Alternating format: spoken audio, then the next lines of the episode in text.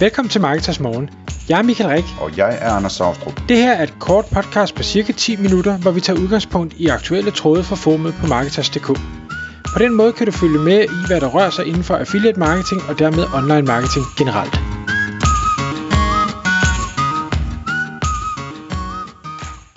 Godmorgen Michael. Godmorgen Anders. Så er det Marketers morgentid. Klokken er 6 på en hverdag, og der er altid Marketers morgen, øh, når det er tilfældet. I dag, Michael, der skal vi snakke om øh, en opfølger på et øh, tidligere podcast, som handlede om en støvet niche, og hvor du fortalte om, øh, om det her med, hvad man kunne sælge til mekanikere. Og, og det her det er sådan en slags del 2, hvor, hvor du... Øh, du er blevet så fascineret af, af tanken, at du har gravet dig endnu længere ned i det sammen med, med din ven og assistent øh, ChatGPT, forstår jeg. Lige, lige præcis. Ja. Og, og, og man kan sige, der var, der var to ting, der, der triggerede denne her. Det ene var den her med, med, den, øh, med, med mekanikerne, hvor jeg egentlig synes, at hvis man ikke har hørt øh, episode 1294, så synes jeg, man skal gå tilbage og lytte til den, hvis man, hvis man synes, den her slags er spændende. Øhm, jeg synes, den var så, så fed. Det er ikke en, at jeg kommer til at rende med, men jeg er helt sikker på, at hvis der er nogen, der render med den, så kan det blive en rigtig, rigtig god øh, forretning. Men det fik mig bare til at tænke over, ja ja, det var en ting, og den var inspireret af et tweet, jeg, jeg læser. Jeg synes, indimellem, når, når jeg taler med, med iværksættere og, og spændende folk derude, øh, eller avisartikler, hvor, hvor nogen har fået nys om, at Nå, men nu har Danmark fået en ny milliardær, og det er så en eller anden, der laver et eller andet virkelig kedeligt, øh, støvet, øh, snavset. Øh, altså tænker jeg, hold da op, hvor, hvor er der meget af den slags derude, som man jo af gode grunde ikke ved, og jeg kan også godt forstå, at dem, der måske laver kassen på det, bare tænker, at vi holder der kæft omkring det her. Der er der ikke nogen grund til at, at få spotlightet på os, så andre kunne finde på at gøre det samme. Dermed ikke sagt, at, at tingene jo overhovedet er nemme det, det mener jeg ikke, de er. Dog vil jeg så stadigvæk sige, at det bliver nemmere at konkurrere, hvis der ikke er så mange at konkurrere med. Hvor alt det her AI og, og SaaS virksomheder, og jeg skal komme efter der ting og sager, som, som øh, er så hyped, og, og hvor folk råber op om, hvad, hvad de kan, og hvor godt de gør det, jamen det, det vil bare afføde mere konkurrence. Øhm, så det jeg gjorde, det var, at jeg, jeg tænkte, nu hopper jeg på, på ChatGPT, min, min gode nye ven, og så siger, jeg vil gerne, øh, jeg vil gerne have din hjælp, jeg vil gerne have noget inspiration. Du skal finde nogle ikke øh, tech-agtige, kedelige, eller snavsede, eller støvede, eller undervurderede, eller jeg kan, jeg kan simpelthen ikke huske, hvad prompten var, øh, forretningsmuligheder, som ikke nødvendigvis kræver øh, kæmpe investering, eller øh, sindssygt meget øh, tidsmæssig indsats, eller specielle evner, eller jeg kan ikke huske, altså, det, og det kan man jo selv variere selvfølgelig. Øh. Kom med noget. Og, og så gav den mig, mig 20, øh, og så siger jeg, fint, giv mig 20 mere. Og det, det der var interessant, altså nu kan jeg, jeg kan tage et, et par stykker af dem, og, og det jeg så gerne vil tage videre bagefter, det er, okay, hvis man nu finder noget, der er interessant, hvad, hvad er næste skridt så? Men for eksempel så siger den, øh, hvad hedder det, storage units, altså sådan nogle opbevaringslagerpladser. Og jeg har selv, nu fordi jeg jo har købt den her store gård, hvor jeg har masser af plads, så er jeg jo begyndt at interessere mig en, en lille smule for, hvad er der egentlig i den virksomhedsmodel.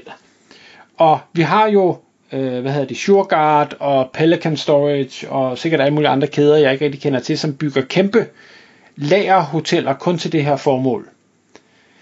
Vi læser øh, avisartikler om, at øh, jo online handel det, det vokser, og Amazon bygger kæmpe lagerhaller rundt omkring, og der er simpelthen der er mangel på lagerplads øh, rundt omkring i, i hele verden, øh, så der er en kæmpe forretningsmulighed der.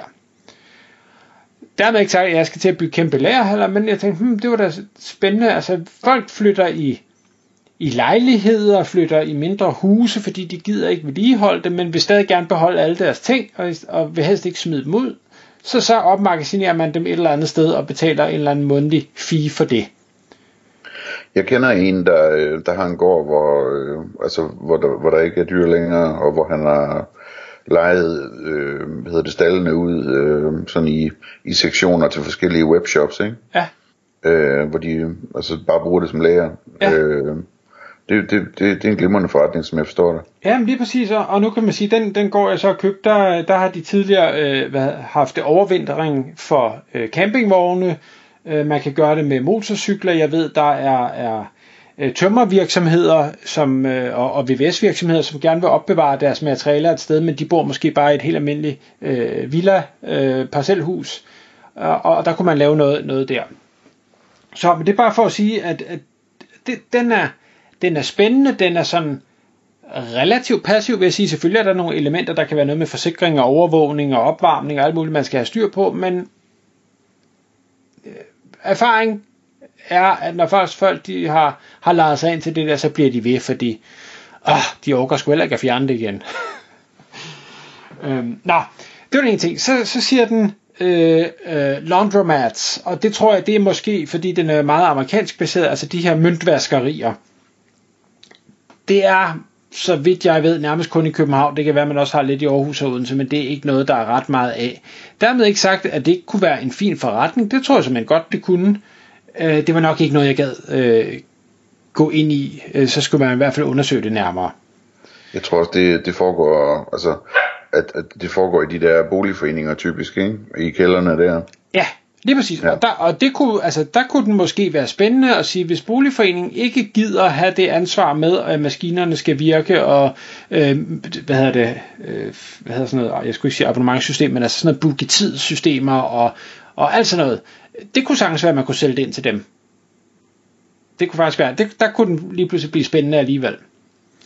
Nå, så siger den øh, sådan noget waste management and recycling. Og der, det er måske ikke, det er nok ikke nemt, og det kræver nok også en, en vis øh, investeret kapital, men jeg synes dog alligevel, jeg har hørt, at dem, der nu har de her øh, skraldebilsruter, som man vist nok bliver tildelt eller vinder hos øh, kommunerne, de tjener ret gode penge. Skraldemændene tjener i hvert fald en fin løn, ved jeg. Ja, men det, og det kan jeg love, det gør virksomhederne bag også, så hvis, hvis de kan betale gode lønninger til skraldemændene.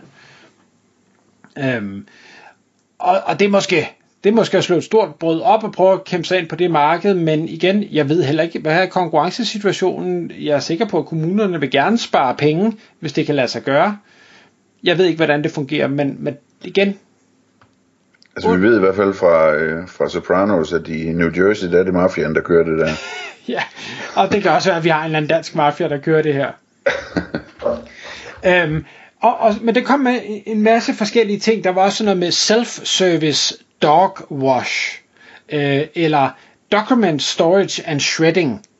Den synes jeg, den har jeg lagt mærke til gennem lang tid. Jeg arbejdede for mange år siden inde i nærheden af Christiansborg, og der er, jeg kan simpelthen ikke huske, hvad firmaet hedder, der er nogen, der har sådan noget, Øh, secure shredding, så hemmelige dokumenter bliver håndteret mm. på en helt speciel måde. Ja. Og det koster helt sikkert mere end normalt. Ja, man kan bestille sådan en, øh, en vogn, der kommer ud, ikke? Jo, det var sådan et eller andet, ja. ja. ja. Øhm. Kæmpe, kæmpe shredder. Nå, men, men altså, den kom med, hvad med, øh, hvad med de der øh, øh, self-service bilvask øh, ting? Ja, er det noget i Danmark? Ja, ja, ja det, det, find, det findes også. Øh, og du altså har... ikke, ikke, som i en automatisk tunnel, men som en, øh, eller tunnel, hvordan man udtaler det, øh, men som en, øh, altså du ved, hvor, hvor man ligesom, man får øh, adgang til, til vaskeværktøjet, ikke? Ja, ja, du står med en højtryksbuler, og der er støvsuger, ja. og der er alt sådan noget. Jamen, ja. det, det er der noget af. Jeg tror, de fleste er for dogne, men, men det findes. Okay. Øhm.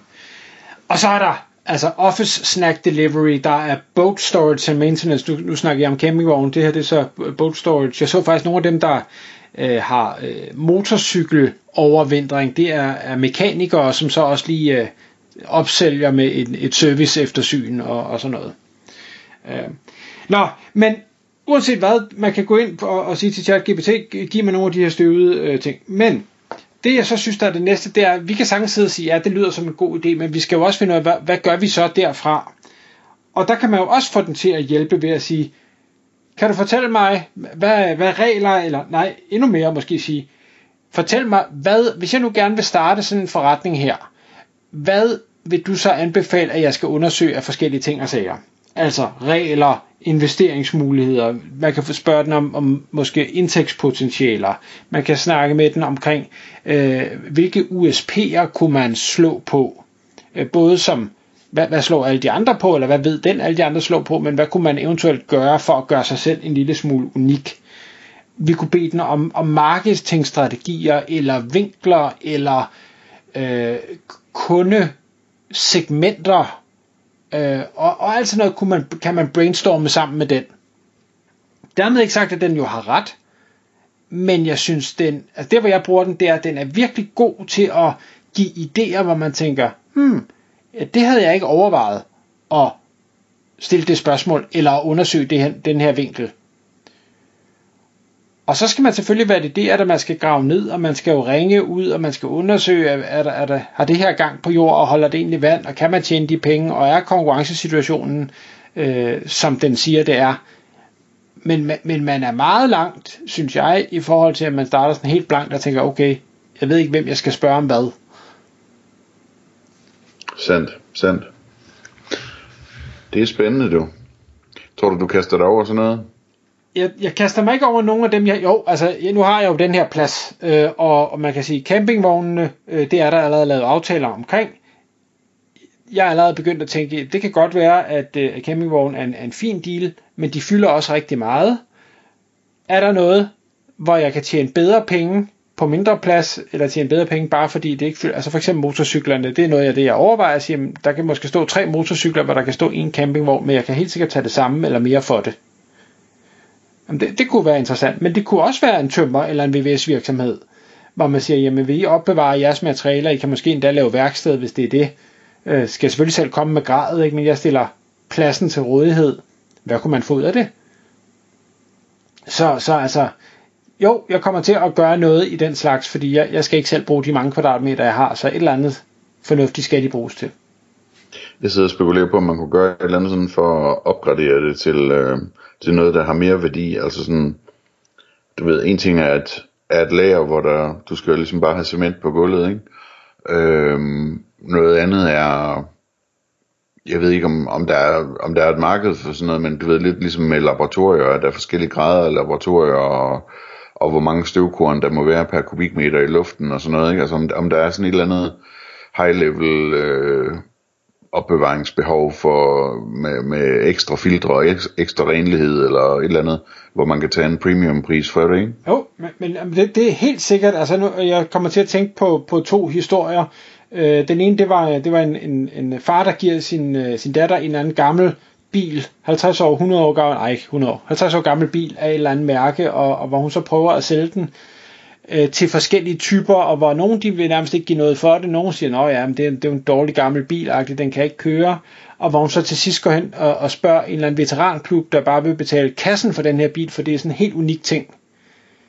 Så, så det handler også om, hvem er det, du sælger til, og hvad ser de af værdi i det, du har at sælge? Ja, bestemt.